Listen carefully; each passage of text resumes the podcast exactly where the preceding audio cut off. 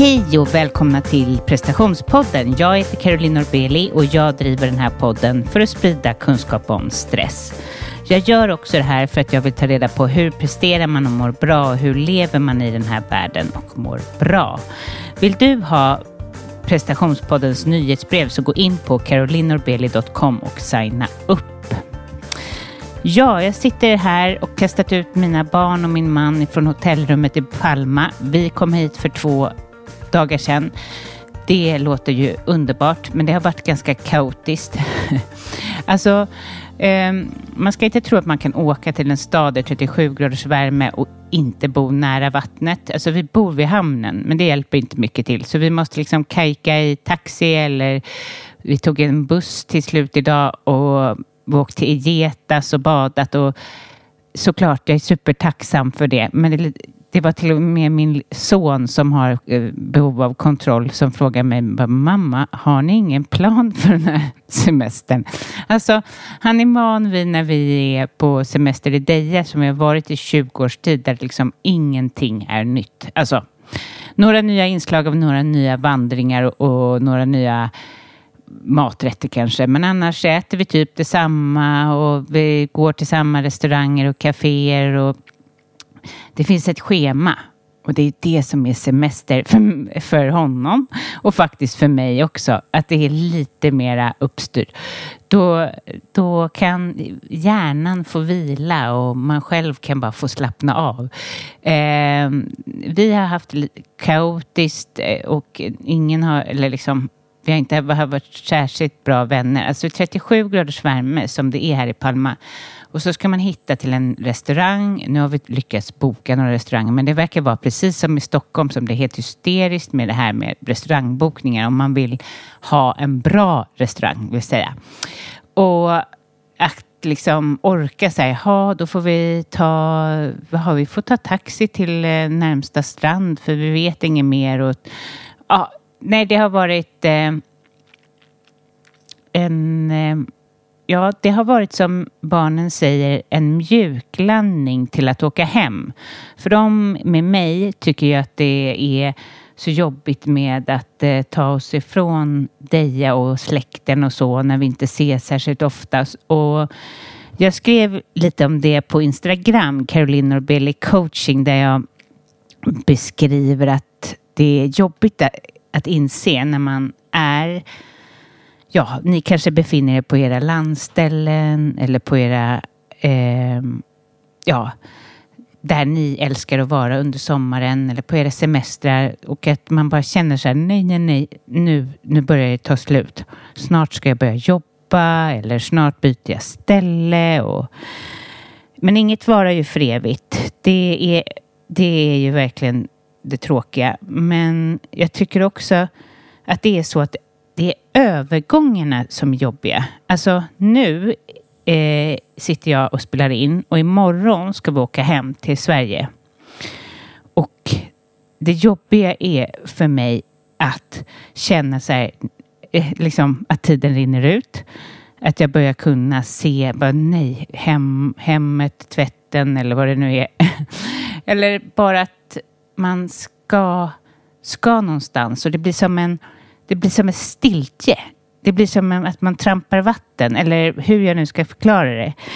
Alltså, det är som när övergången är slut så börjar man bara om på ny kula och allting känns bra. Men att övergången är som en bro som slutar med en början och mellan slutet och början så är den som en obehaglig zon som man bara vill undvika och det går inte att undvika. Utan jag tror tvärtom. Att man, om man vill bli av med det här obehaget, om hur man, den här känslan och den här sorgen, så är det nog bäst att vara i det. För det är nödvändigt för den personliga utvecklingen. Och här, här pratar jag ju väldigt mycket om hur jag själv upplever det. Och jag vet, för när jag skrev om det på Instagram så var det många som skrev till mig att de också känner så. Och jag tror att vi måste omfamna det här, omfamna övergången och vara mer i nuet. Att eh, istället för att jag sitter och tänker på att imorgon ska vi åka hem så ska jag ikväll gå ut och verkligen vara närvarande med mina barn, med min man, att vi är i Palma, tacksamheten slår i taket. Istället för att tänka på packning och vad det nu är eh, som upprätthåller mig. Eller bara den här konstiga känslan, den här subtila känslan att nu, nu, nu är jag snart hemma. För, nu, för jag är ju här, om man säger så. Och det är mycket bättre om jag är här i min kropp istället för att lämna mig själv och vara i tankarna i Sverige så. Det var verkligen de här tankarna. De här tankarna får jag nästan varje gång. Alltså det spelar ingen roll för mig om jag ska åka till New York tillsammans med min man eller om jag ska ha retreat eller så. Jag har alltid de här känslorna.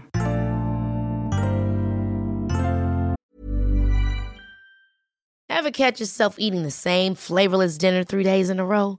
Dreaming of something better? Well, Hello Fresh is your guilt-free dream come true, baby. It's me, Gigi Palmer.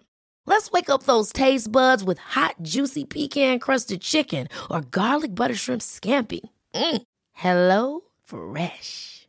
Stop dreaming of all the delicious possibilities and dig in at HelloFresh.com. Let's get this dinner party started. Cool fact a crocodile can't stick out its tongue. Also, you can get health insurance for a month or just under a year in some states. United Healthcare short term insurance plans, underwritten by Golden Rule Insurance Company, offer flexible, budget friendly coverage for you. Learn more at uh1.com. Hiring for your small business? If you're not looking for professionals on LinkedIn, you're looking in the wrong place. That's like looking for your car keys in a fish tank. LinkedIn helps you hire professionals you can't find anywhere else, even those who aren't actively searching for a new job but might be open to the perfect role. In a given month, over 70% of LinkedIn users don't even visit other leading job sites. So start looking in the right place. With LinkedIn, you can hire professionals like a professional. Post your free job on linkedin.com slash people today. Wow. Nice. Yeah. What you're hearing are the sounds of people everywhere putting on Bombas socks, underwear, and T-shirts made from absurdly soft materials that feel like plush clouds.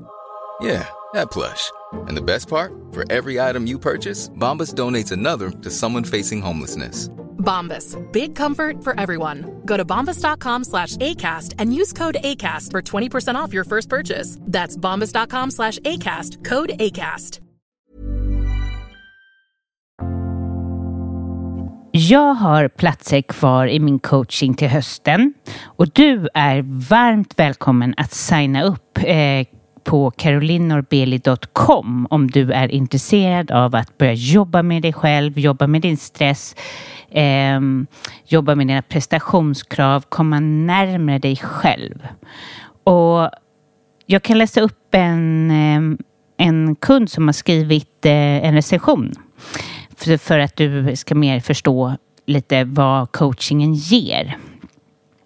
Caroline kom in i mitt liv när jag behövde henne som mest. Jag vantrivdes på jobbet men var för orkeslös för att göra någonting åt det. Caroline hjälpte mig att ta tag i min situation och gjorde mig modig. Hon var vid min sida under min sjukskrivning, min uppsägning och sen på andra sidan så stöttade hon mig till att hitta ett jobb som faktiskt passade mig och där jag känner mig lycklig. Jag kan rekommendera Caroline till alla som behöver. Så är du intresserad, gå in på carolinorbeli.com och så får du träffa mig i 30 minuter, antingen digitalt eller på Danderydsgatan 2. Jag har ju en, en digital kurs som ligger på min hemsida som heter Skapa förändring och minska stress. Och det är nu flera kunder som har gått den och som säger att den har hjälpt dem med stressen. Och dessutom att de känner att de är på en ny resa. Alltså att det har förändrat dem att komma på en ny resa i positiv riktning. Och det känns ju så otroligt roligt. Och vill du börja jobba med dig själv och få övningar som tar dig från stress till mer lugn och styrka och klarhet så är kursen Eh, den finns på min hemsida och du kan läsa mer om den där och du får gärna mejla mig på caroline.prestationspodden.se om du vill veta mer. Och jag tänker att den här kursen ska ge dig verktygen som hjälper dig att se saker från en annan vinkel. Och eh, det är alltså uppgifter som är i fokus. Det är filmer där jag pratar, men det är uppgifter som är i fokus och det är uppgifterna som kommer få dig att skapa förändring. Så hör av dig om du är intresserad. Ja, jag kan också säga att den kostar 975 kronor.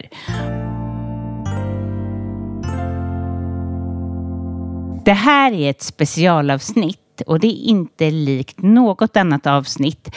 För i det här avsnittet så har jag ett samtal, alltså ingen regelrätt intervju utan mer ett samtal med Jenny Hagman som är ett före detta, för detta golfproffs och dessutom mental coach. Det som är är att vi eh, har våra mottagningar på Yogamanna och har alltid så trevligt tillsammans. Vi har alltid så mycket att prata om och eh, därför tänkte jag så här mitt i sommaren att det passar sig att släppa ett avsnitt där jag och Jenny sitter och pratar. Pratar om ämnet ego. Alltså, vad är ego för någonting och eh, hur kan man hantera sitt ego och vad sätter egot för käppar i hjulet och vad kan man göra för att få en bättre relation eller vad man ska säga till sitt ego och hur kan man prestera bättre om man inte presterar utifrån sitt ego utan utifrån sitt hjärta. Ja, det här är alltså vad vi diskuterar i det här avsnittet. Så lyssna till mig och Jenny Hagman.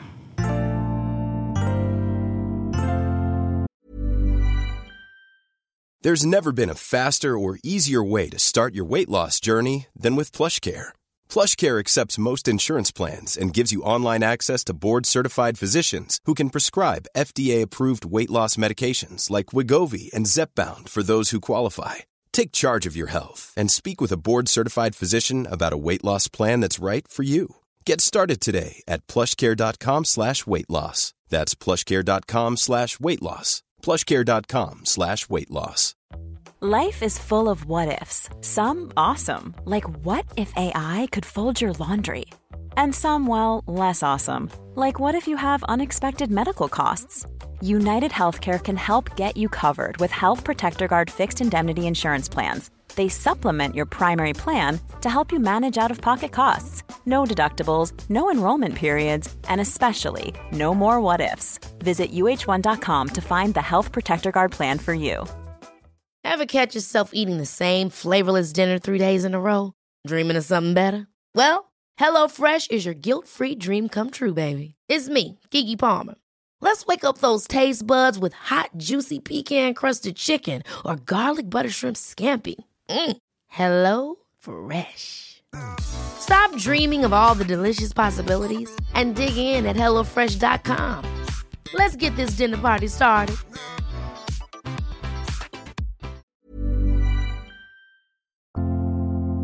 Hej och välkomna till prestationspodden. Jag heter Caroline Norbeli och jag driver den här podden för att sprida kunskap om stress. Eh, idag har vi ett speciellt avsnitt för idag sitter jag här på Yogamana på golvet tillsammans med Jenny Hagman. Jenny jobbar här på Yogamana precis som jag och är mental coach. Välkommen hit! Tack så jättemycket. Det är supermysigt att sitta här på golvet utanför våra kontor i yogasalen. Eller hur? Och eh, berätta Eh, du jobbar som mental coach. Hur kommer det sig att du valde det spåret? Ja, eh, jag tror att från början, jag är ju, har ju två spår kan man säga i livet. En är ju att jag har varit golfspelare och golfproffs och mm. golftränare. Och det andra är att jag har utbildat mig kan man säga parallellt med det. Och då blev jag civilekonom och sen jobbade jag i näringslivet parallellt faktiskt med att jag spelade som, som proffs. Så i mitt, på min nivå kunde jag inte riktigt leva på det. Jag hade inte tillräckligt mycket sponsorer. Så jag fick jobba samtidigt. Och det var ett bra sätt att få in det jag hade lärt mig i skolan. Så att säga. Så jag gick på college i USA och sen så gick jag på Handels i Göteborg. Och när jag sen jobbade då så var det inom ekonomi och marknadsföring kan man säga. Men det ledde till att jag också var VD under sju år. Och eh, när man har varit golfproffs och sen VD, då börjar man förstå att det här med stress och det här med att kunna vara mentalt stark, behålla lugnet när det gäller och sådär, det blir väldigt viktigt. Så när jag då eh, dels jobbade som golftränare efter min liksom, eh, eh, proffskarriär då, Ehm, då insåg jag ju väldigt mycket att eh, det fanns mycket att göra för golfare för att kunna prestera på topp även eh, under press. Då. Och ehm, att kunna, det här med mental träning, jag tror att man brukar säga att 93 procent av golfen handlar om mentalt till slut. Och sen när jag jobbade som VD så var det lite samma sak. Att eh, Det är ju väldigt lätt att vara mentalt stark när allt går bra. Eh, och sen lägger man lite press på det då. Då kommer det upp saker som man kanske behöver jobba med lite extra. Och i mitt fall när jag fick barn och fortsatte jobba som, som VD och skulle i min värld så ville jag ju såklart väldigt gärna göra ett lika bra jobb oavsett om man inte kanske hade lika mycket ork. Men jag förstod inte det förrän lite för sent. Men jag gick inte in i väggen, men nästan. Så när jag sen avslutade eh, min roll som VD, då skulle jag ju liksom välja inriktning igen kan man säga. Hur kan jag kombinera min tränarroll som jag hade då från tidigare med golfen, med min skolgång, med min arbetslivserfarenhet. Och då blev det mental träning och in på det spåret. Så det var väl det. Och mental träning har som mål, och det kommer från... Eh, mental träning grundades ju i Sverige 1968 av Lars-Erik Unestål. Med målet att få människor att må och fungera bra. Och eh, för mig passade den inriktningen väldigt bra eftersom jag är väldigt träningsinriktad. Så att träna sig mentalt stark kan man säga. Och så blandade jag det med medicinsk yoga. Och eh, idag vill jag hjälpa eh, alla som kommer till mig med att lära sig helt enkelt hur vi fungerar som människor. Men hur, att förstå att alla kan bli mentalt starka. Man behöver inte ha... Vissa har ju saker naturligt precis som i alla områden. Men även det här med mental styrka går att träna upp. Man behöver bara träna på rätt sätt. Då tänker jag så här att vi eh, skulle ju beröra lite olika ämnen. Ja, Precis, jag skulle ju fråga dig lite också bara innan vi börjar Caroline. Och eh, jag tänkte passa på nu här när vi sitter här, båda coacher som du också är, med inriktningsstress. Eh, att eh, bara fråga dig några saker om det är okej. Okay. Ja, och vi ska ju säga också att det här sänds i två poddar. Precis, exakt. Så jag har ju då en podd som heter Idrott och ledarskapspodden. Och vi har ju kommit på här när vi sitter bredvid varandra att vi jobbar väldigt liknande kan man säga när det gäller hur vi har byggt upp våra verksamheter. Och vi tänkte kunna vara lite kul att få dela våran, eh, eh, våra erfarenheter men också hur vi driver företagen lite grann. Och sen då såklart komma in på ett ämne som du som lyssnar förhoppningsvis kan ta till dig då. Så att du kan få med dig lite gottiga grejer nu. Inte bara den här sommaren, men även efter. Mm. Precis, så det här blir ju verkligen ett, eh, en avstickare i prestationspodden och kanske i din podd också. Va? Precis, exakt. Men så jag tänkte på dig Caroline, så vad var det som gjorde egentligen att du blev inriktad mot stress? Eh, jag hade, som lyssnarna vet, många av dem, så eh, eh, jag befann mig i reklambranschen. Jag hade ett, en son och eh, det var för mycket att kombinera för mig. Jag var inte riktigt rätt i reklam. Alltså jo, jag var rätt i branschen, men jag jobbade som AD och det innefattar att man eh, inte bara ska vara kreativ utan det var även mycket så här tekniskt med program och eh, millimeter eh, precision och det är inte min grej. Jag ska måla med de stora penseldragen och eh, det stressade mig extremt så pass att jag jag, jag brände nog ut mig, men jag har inte fått någon sån diagnos, utan jag gick, sa upp mig, kom hem, vilade och sen började söka vad jag skulle bli när jag blev stor, blev det lite grann, och vart jag skulle ta vägen. Och det, jag var inne på rekrytering, jag var inne på försäljning, men det var inget som, som var bra, eh, passade. Mm. hur gammal var du när du, eh, böt, när du förstod liksom att Nej, men det här vill jag inte göra, nu vill jag göra något annat? Eh, det var ungefär, jag är idag 47 och eh, det var eh, 14, ah, nej, ja, 13 år sedan. Mm. Och eh, hur kom du på då att du ville liksom bli coach? Jag, eh, jag hade startat prestationspodden tillsammans med en eh, Per Lundevall. På den tiden så körde jag med honom och jag träffade mycket coacher och eh, psykologer och så. Och jag har alltid fått höra att du ska jobba med människor, men jag har alltid undrat, men hur? Och eh, när man är ung och får höra den, eh, höra det att man skulle passa som som terapeut eller annat. Det kändes ju så långt, men efter att ha gått igenom mycket och fått barn och så, så började jag närma mig det och så gick jag till en coach själv som sen liksom guidade mig till att bli coach helt enkelt. Och Det här är ju vanligt tror jag idag. Många som vill bli coacher och jobba med att hjälpa andra, både inom yogavärlden som jag också rör mig inom, men också inom coachvärlden. Och både du och jag har ju nu verksamheter som går runt. Vi har jobbat i några år. Jag har jobbat i sju år på heltid med det här. Hur länge har du jobbat? Sju år. Du ser. Så lika. Mm. Men, och jag vet att det är många som har svårt att få det att gå runt i början framför allt. Vad tror du det var som gjorde att du kunde fortsätta och få det att gå runt ja, på heltid så att säga? Dels har jag till en början eh, downsizat. Jag var inte, alltså jag drog inte, jag tjänade inte särskilt mycket till en början. Och sen, eh, sen ja, sen har jag väl eh, genom podden för, når jag ju ut till många.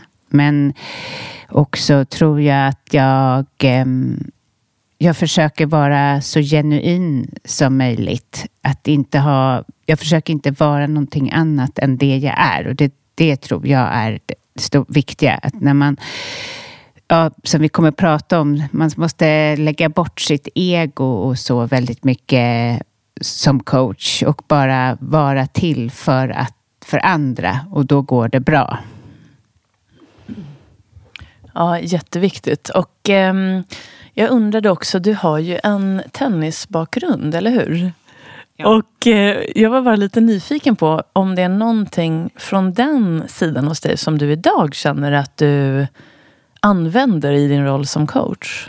Ja, och i jämförelse med dig så har jag ju, det är ju bara hobby, men det, jag eh, känner väl att, att aldrig ge upp, det kan ju också vara farligt. Men det har man ju fått från tennisen. Det här kämparandan. Att även när det inte går bra och så, så bara fortsätta. Det, det, det, ja, precis. Och vad tycker du själv då? Vad har varit svårigheterna för dig? Eller vad säger jag? Vad tror du, varför tror du att det funkar, har funkat för dig som coach? Ja men precis, jag tror precis som dig, man har med sig det där att inte ge upp och att eh, kunna hela tiden... Det kommer ju svackor väldigt mycket och jag tror att eh, i början var det väldigt mycket inspiration och motivation, nu kör jag liksom. um, men att kunna hantera svackor, att förstå att det inte går en rak väg framåt, att man inte ger upp. Men sen är det ju också att jag hade ju väldigt mycket eh, en stor plattform i golfvärlden. Så jag hade den delen kvar ganska länge där jag jobbade som golftränare, som en bas kan man säga. Och eh, samtidigt som jag började då öka min verksamhet kring att vara här då på Yogamanna och tidigare var jag också på Brahegatan hos Inmo där jag fortfarande kör lite yogapass och fysträning. Så att eh, sakta men säkert öka den ena delen och ha kvar den andra. Och lite så gjorde jag förra gången när jag blev egen. Jag har varit egen i omgångar. Två gånger egen, två gånger fast anställd. Så förra gången innan jag släppte för att bli golfcoach då, då började jag faktiskt jobba som golftränare på kvällen. Så jag jobbade liksom på dagen och åkte dit på kvällen. Så det där med att ha en plattform har hjälpt mig i alla fall. Så att inte släppa det helt. För att se hur det går. Och eh, sen som du sa då, att eh, ha tålamod. Jag vet att jag brukar tänka på Tiger Woods ibland. Så han har ju haft sina nedgångar. Men framförallt uppgångar också tagit sig bak, tillbaka efter sin otroliga fadäs med, eh, med eh, hela hans eh, dåliga rykte i, när, han, när Elin, där, hans fru, liksom slog sönder hans bil för att han hade varit otrogen många, många år. Och eh, sen när han kom tillbaka och han har varit skadad också, haft ryggoperationer. Och han sa en sak när han vann Augusta Masters förra gången. Eh, det var efter hans comeback, jag tror det var för, förra året. Det är ju 23 nu, jag tror att det var 21. Att han bara tuggade på. Han bara tålamod, tålamod. De andra var, han ledde ju absolut inte inför sista dagen. Men han var där på toppen och att han in, de andra var jätteduktiga. Men till slut så började de slå snett, slog i vattnet och han bara tuggade på. Det där tålamodet. Mm. Det tar alltid längre tid än man tror. När jag startade eget för sju år sedan, för andra gången då. Då tänkte jag så här, men ett till två år. Sen, nu är det liksom sju år. Och jag tror efter fem år så började jag känna att nu börjar det kännas rätt bra. Ekonomiskt och att jag hade hittat rätt för min del. Mm. Så det tar längre tid än man tror. Verkligen. Eh, det gör ju det. Men eh, och vad har varit din... Varför vill du, ville du bli coach? Alltså, vad har varit... Vad är det inom dig? Som... Ja men exakt, det är en jättebra fråga. För jag fick den här frågan för länge sedan. Vill jag göra det här för att... Om man tänker när man är golftränare och man varit proffs och så blir man golftränare. Då eh, brukar frågan vara så men gör du det här för att du vill få bekräftelse av andra som säger ja men tack för att du är så bra, nu har jag blivit bättre. Eller gör man det för deras skull? Förstår du? Mm. Um, och jag satt och funderade på det jättemycket. För om du går till mig som golf mm. och tar en golflektion och så säger jag någonting och så blir du jätteglad och så får du jättefina slag och sådär. Då kommer du ge mig så här, tack för lektionen och jag är så himla tacksam. Är det därför jag vill vara coach? För att du ger mig Förstår du? Den här bekräftelsen. Eller är det för att jag verkligen ser att nu har du lyckats, att jag släpper mig själv, lite som du var inne på. Och jag tror att, eller jag har kommit fram till det, att det absolut bästa, också för ens eget välmående, det är att hjälpa andra. Och jag tror att det är, jag vill också hjälpa andra i den roll som jag själv var i. När jag kände att jag inte hade den där coachen som jag eh, hade behövt. Eller när jag inte hade den där mentala träningen som jag nu kan förstå kan hjälpa väldigt mycket. Så jag försöker ju ta... Du vet, man brukar vara bäst på... Nu är det 10 år sedan, 10, 15, 20 år sedan kanske, innan jag, när jag hade de här liksom, tydliga problemen, om man säger, mm. mentalt på golfbanan och sen som VD. Men då, man kan ju... Nu har jag ju lärt mig väldigt mycket och att ta den kunskapen och dela den, det är väl det jag vill göra. Och jag tror att det är det jag brinner för. För jag ser att alla gör samma misstag. Mm. Ja. Precis. Och idag då har vi ju tänkt att prata om lite olika ämnen ihop. För du och jag ses ju här på Yogamanna och så ja, har vi våra kunder men vi stöter ju ihop eller liksom, och bara sätter oss och pratar om olika ämnen eftersom ämnen som dyker upp eh, i våra, med våra kunder och i våra liv helt enkelt. Mm. Och något som är så otroligt jobbigt som ställer till det jättemycket, eh, det är ju egot. Eh, och ja, jag, jag tänker så här, egot, eh, det, det, kan jag verkligen synligt se i min podd, hur den ställer till det. Ehm, om jag bara börjar där. Eh, jag, eh, jag jag har precis blivit påmind om för att podden fyllde sju år. Ehm, så jag gick igenom resan med hur, hur det har varit och så. Och varför det var så bra till en början och vad som gjorde att det gick så bra. Det var, för jag gjorde det här tillsammans med en som heter Per och han sa till mig vi litar på processen. Vi, det spelar ingen roll om avsnittet blir bra eller dåligt.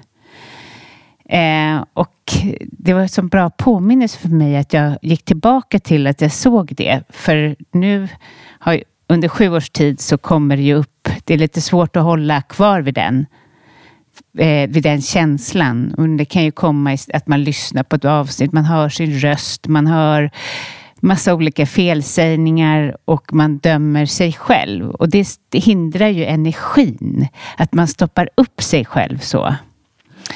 Um, och det tänkte jag bara var en intressant... Eh, alltså egot är en bromspedal. Vad är egot mer? Ja, men precis. Så för mig dök egot upp sådär att det här är någonting som är viktigt att vi släpper taget om och lär oss förstå hur egot dyker upp hos oss själva.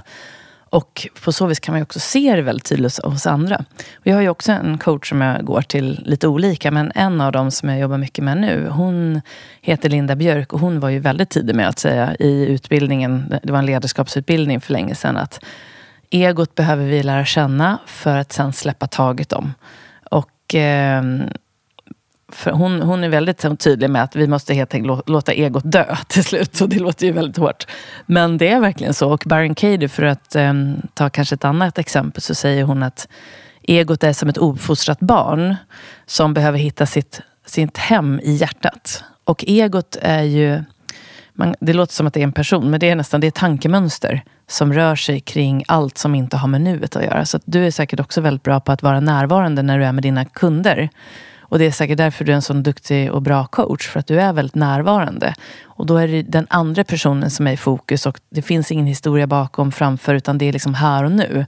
Och det där känner jag igen jättemycket när jag är med mina kunder. Antingen i podden eller då när man sitter med en klient. Men i privatlivet, i alla fall i mitt fall. Så kan jag ju ha svårare för att hantera mitt ego. Mm. Och då märker jag att det handlar väldigt mycket om att jag till exempel lägger in massa historier om dåtid och framtid. Till exempel man är med vänner som har känt en själv i flera år. Eller i mitt fall om det är några som man kanske är nya vänner och så dyker upp en situation som, ja, som kan liksom verkligen så här, tri trigga mig. verkligen. Och det, det var det vi har pratat om lite grann här nu under den här våren. Att jag, i mitt fall, jag har blivit lite triggad sådär privat som jag inte har känt igen. Och då har jag upptäckt att det är verkligen mitt ego som då kommer upp och blir så himla aktivt helt plötsligt. Det har liksom inte funnits där på jättelänge. Och nu helt plötsligt. Mm. Ja men verkligen, så kan det vara. Eh, egot är ju, precis som det där ouppfostrade barnet som du sagt, det är den man skäms ju över egots reaktioner.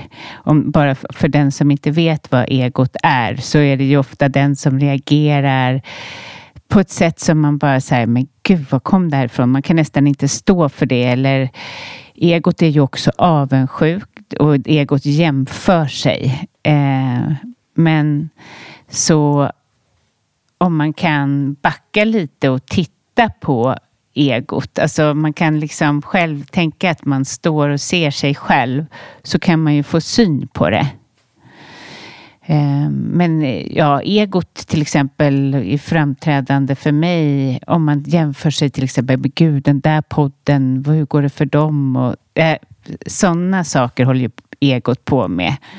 Men och egot ställer till det och eh, jag tror faktiskt att om man låter sig titta på det här egot så, så försvinner det. Mm. Det är väl så jobbet är.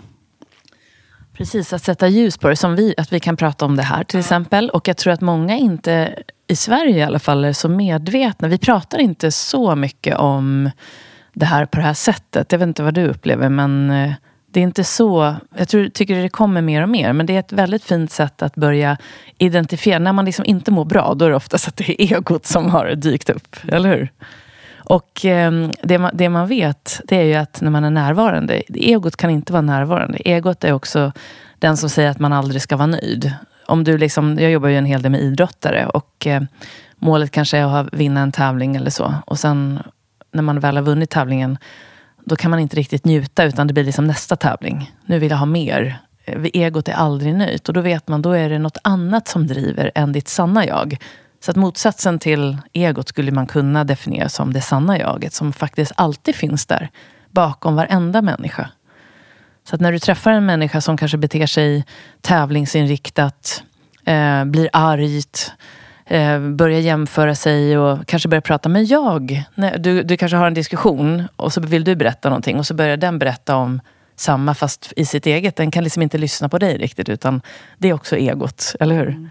Så att det ställer till det som du säger. Det är en bromskloss. Men frågan är hur kan man lära sig förstå det här så att man kan lära, lära sig sätta ljuset på det och då eh, lära sig hantera det för att acceptera det för att sen släppa taget om det då. Vad skulle du säga?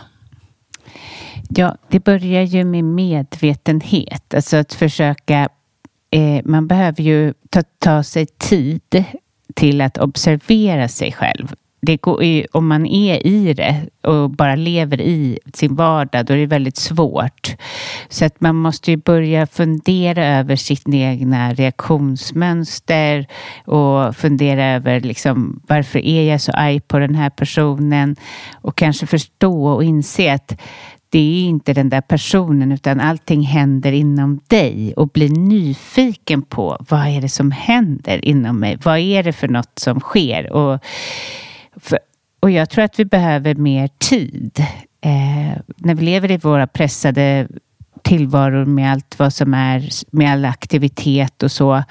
Så hur ska vi kunna få syn på våra mönster? Och det är ju bara som ta och titta på de här som sitter och skriker i, eh, i sina bilar. Typ, för att det, alltså, eh, jag tror att vi behöver mer avskalat. Jag tror att vi behöver leva mer enkelt egentligen för att få syn på egot. Att, eh, mm. Sommaren är ju en bra tid. Där, nej, men där kan ju egot, liksom, där kan du få syn på ditt ego för att du har tid. Exakt, och det är precis reflektion är ju någonting som, och som du sa, tiden. Man vill ju ha en quick fix på det här också. Men jag tror att det, det här med, som du sa, det här med att eh, hitta sina reaktionsmönster.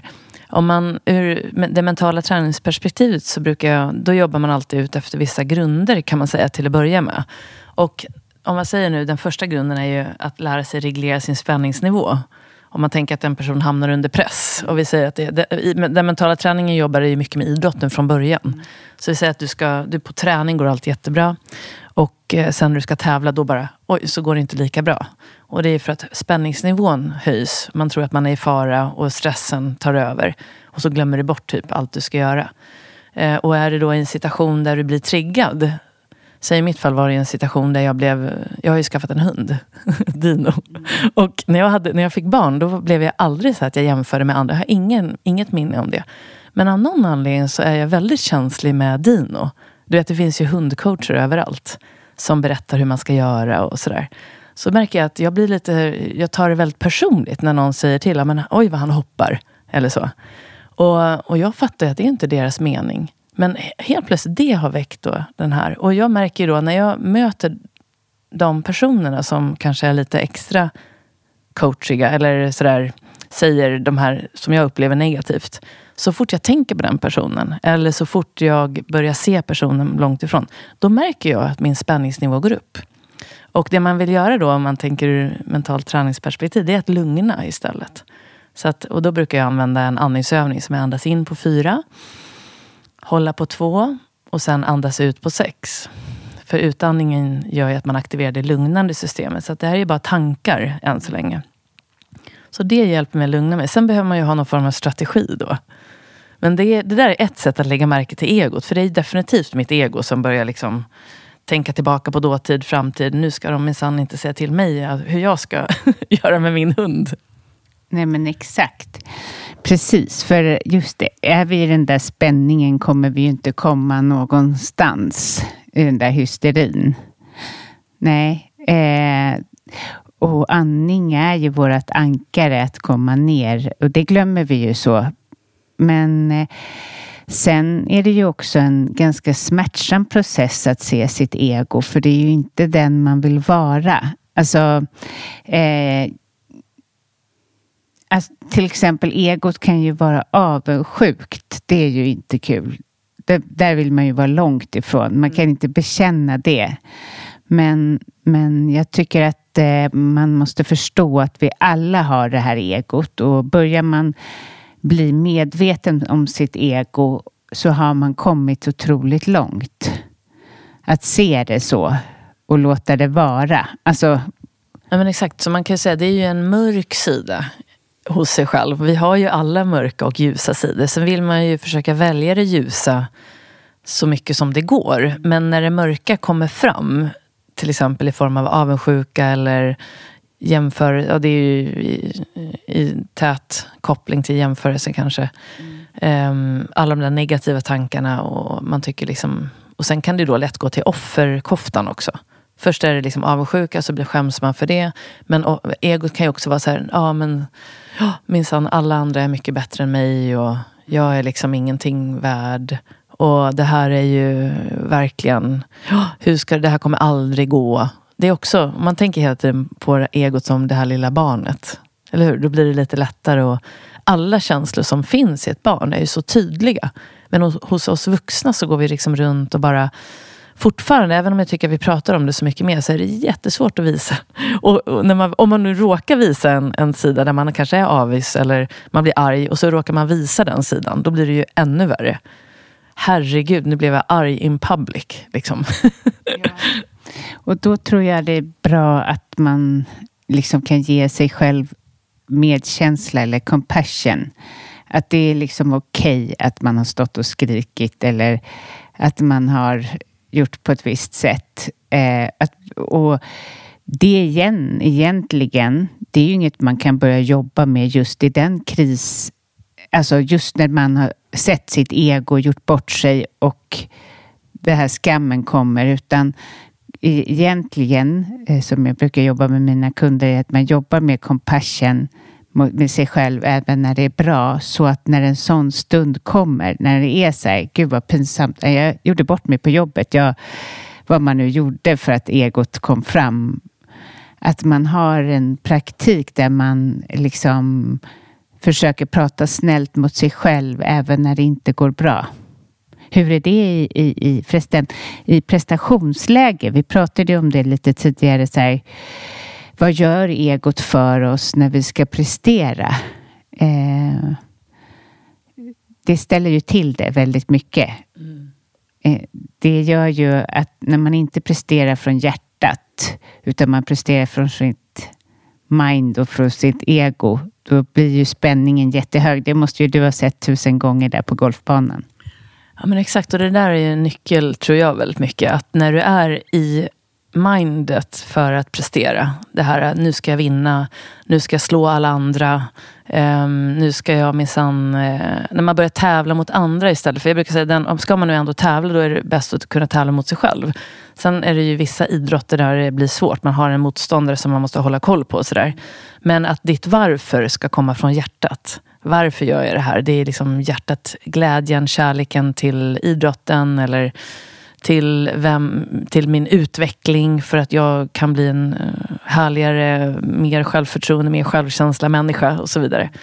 Um, så att, att gå ner i hjärtat, om man tänker bara för att referera till golfen där igen, så tycker jag att det är en otroligt bra verktyg faktiskt. Du tänker, de flesta som lyssnar kanske, alla är ju inte golfare såklart, men det brukar vara ett tacksamt exempel. Så vi säger att du står du har värmt upp på ranchen och där går alla slag jättebra. Och så vandrar du upp till första tid. Nu är det tävling säger vi. Eller bara nu ska jag spela med några personer som jag du kanske blir nervös eller bara presterar för dig själv. Det är, liksom, det är något som händer från övningen upp till nu ska du prestera. Och det sista, jag brukar säga det, du har ju din rutin. Det är ju väldigt viktigt att man lär, lär kroppen, nu ska jag liksom slå ett golfslag. Då går man in, gör man en rutin på samma sätt varje gång. För det är ju lugn och trygghet. Och det sista som man kan göra innan man slår sitt golfslag, då brukar man ju titta upp mot mål. Okej, okay, dit ska jag. Men då kan man andas in, andas ut, så kan man gå ner i hjärtat. Förut så, det finns något jättebra som heter fokuspunkten. Så ni som lyssnar i min podd här kommer känna igen det. Men jag har inte pratat så mycket om att man också kan gå ner i hjärtat. Om man har problem med eh, att prestationen tar över och det blir den där rädslan av att då inte prestera. Vad händer då? Man blir tuff mot sig själv. För att hitta den där compassion. Även i ett tufft tävlingssammanhang. Att landa med din uppmärksamhet i hjärtat och försök liksom utgå från ditt fokus därifrån. Det är ett helt annat sätt att prestera ifrån. Mm. Som är så otroligt skönt. Och helt plötsligt så kanske du då till och med kan lära dig förstå att det är när du mår som bäst och är som snällast mot sig själv som du faktiskt kan prestera som allra bäst. Kanske ännu bättre än när du har den där tuffa eh, det här är liksom, nu minsann ska jag visa alla andra. Den energin är inte lika stark som energin som kommer om du utgår från kärlek. Precis. Eh, jag eh, har ju det här i tennis. Det är helt patetiskt. Jag var ju bara tävlade ju liksom, eh, men var ju inte men nu har jag gjort comeback, om man säger så. Och jag tränar på Salk och eh, så fort det blir tävling så knyter det sig. Det, jag har ju kommit till dig då.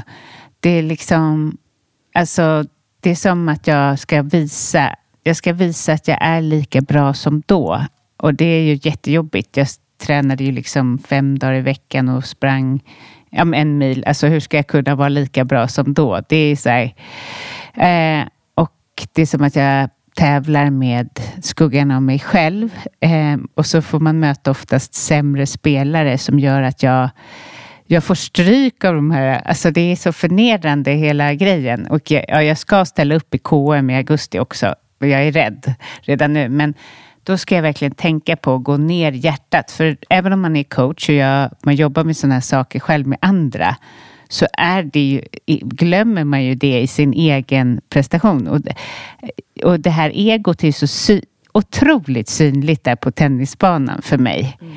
Då har ju jag, du och jag träffats här och då har jag berättat om det när jag gör fiasko på tennisbanan.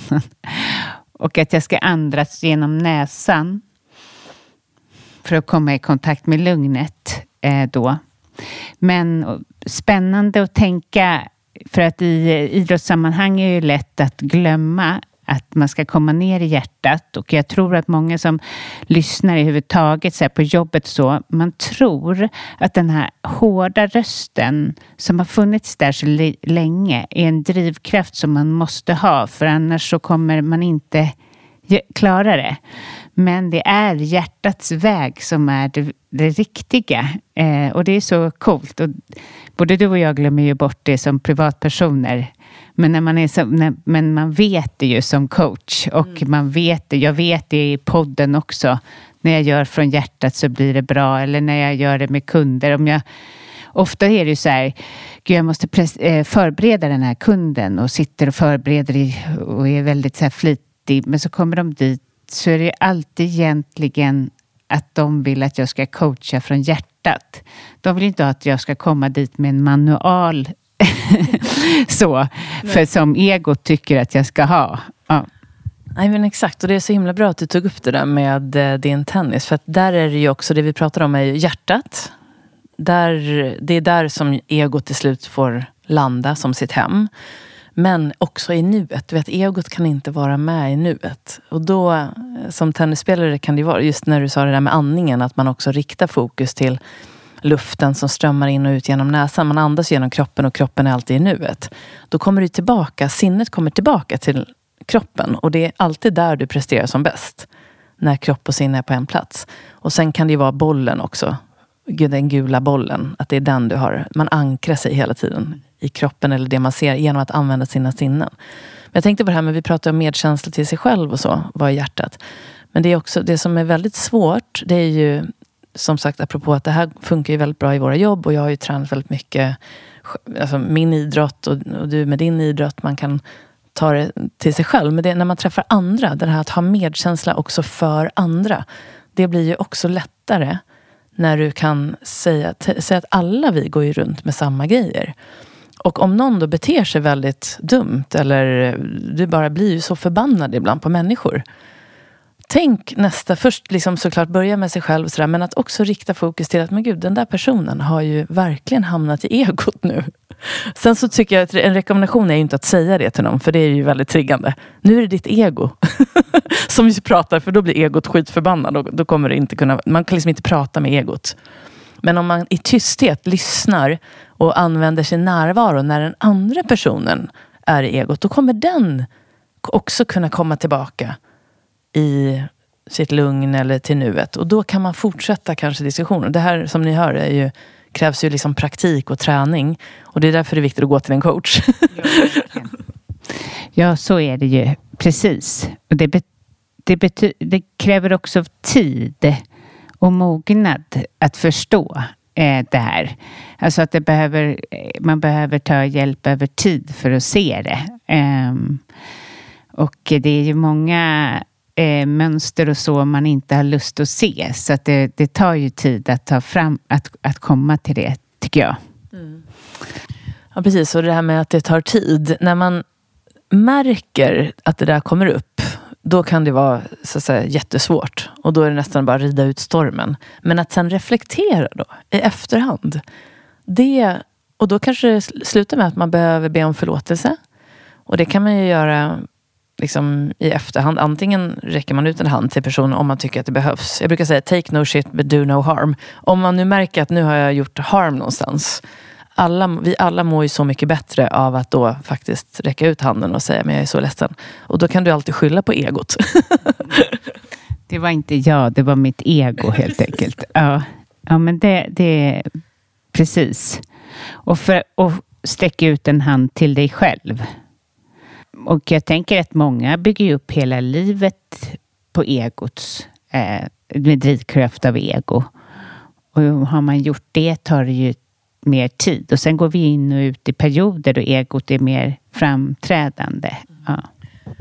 Mm, precis, jag tänkte det låter kanske som att det här är väldigt lätt. Och så, men har man till exempel en barndom med väldigt mycket traumatiska upplevelser, då har ju egot blivit ett skydd. Och har man då använt egot för att överleva så att säga, och, och då tar man med sig det upp i vuxen ålder. Men någonstans, jag vet jag hörde någonstans att när du är uppåt kanske 25-30, då är det jätteviktigt att vi försöker hantera och lära oss jag, läka. Och, men då kan man behöva gå till en traumaexpert. Eller, du vet, för att verkligen, det kan vara jättetuffa grejer. Så det är ju inte bara det att nu är jag i nuet och nu släppte jag egot. För då är det för mycket grejer som finns. Eller Du jobbar ju också med, med trauma. Så då behövs det ju en, en, kanske en läkare eller någon som verkligen kan hjälpa till med det här. Men då går det ju till och med att släppa taget om den absolut jobbigaste trauman man har. Ja, precis. Det är jätteviktigt. Jo, man formar ju, det här egot skjuts ju ut från ett trauma. Så antingen vill, går man i den spänningen ifrån det traumat som skedde när man var liten och springer på det. Eller så blickar man dit och så. Och jag håller med om att man kan gå till en coach och så, men är det allvarliga då kan man ju också bli guidad vidare man hittar det. Att det behövs en traumabearbetning eller så. Mm. Ja.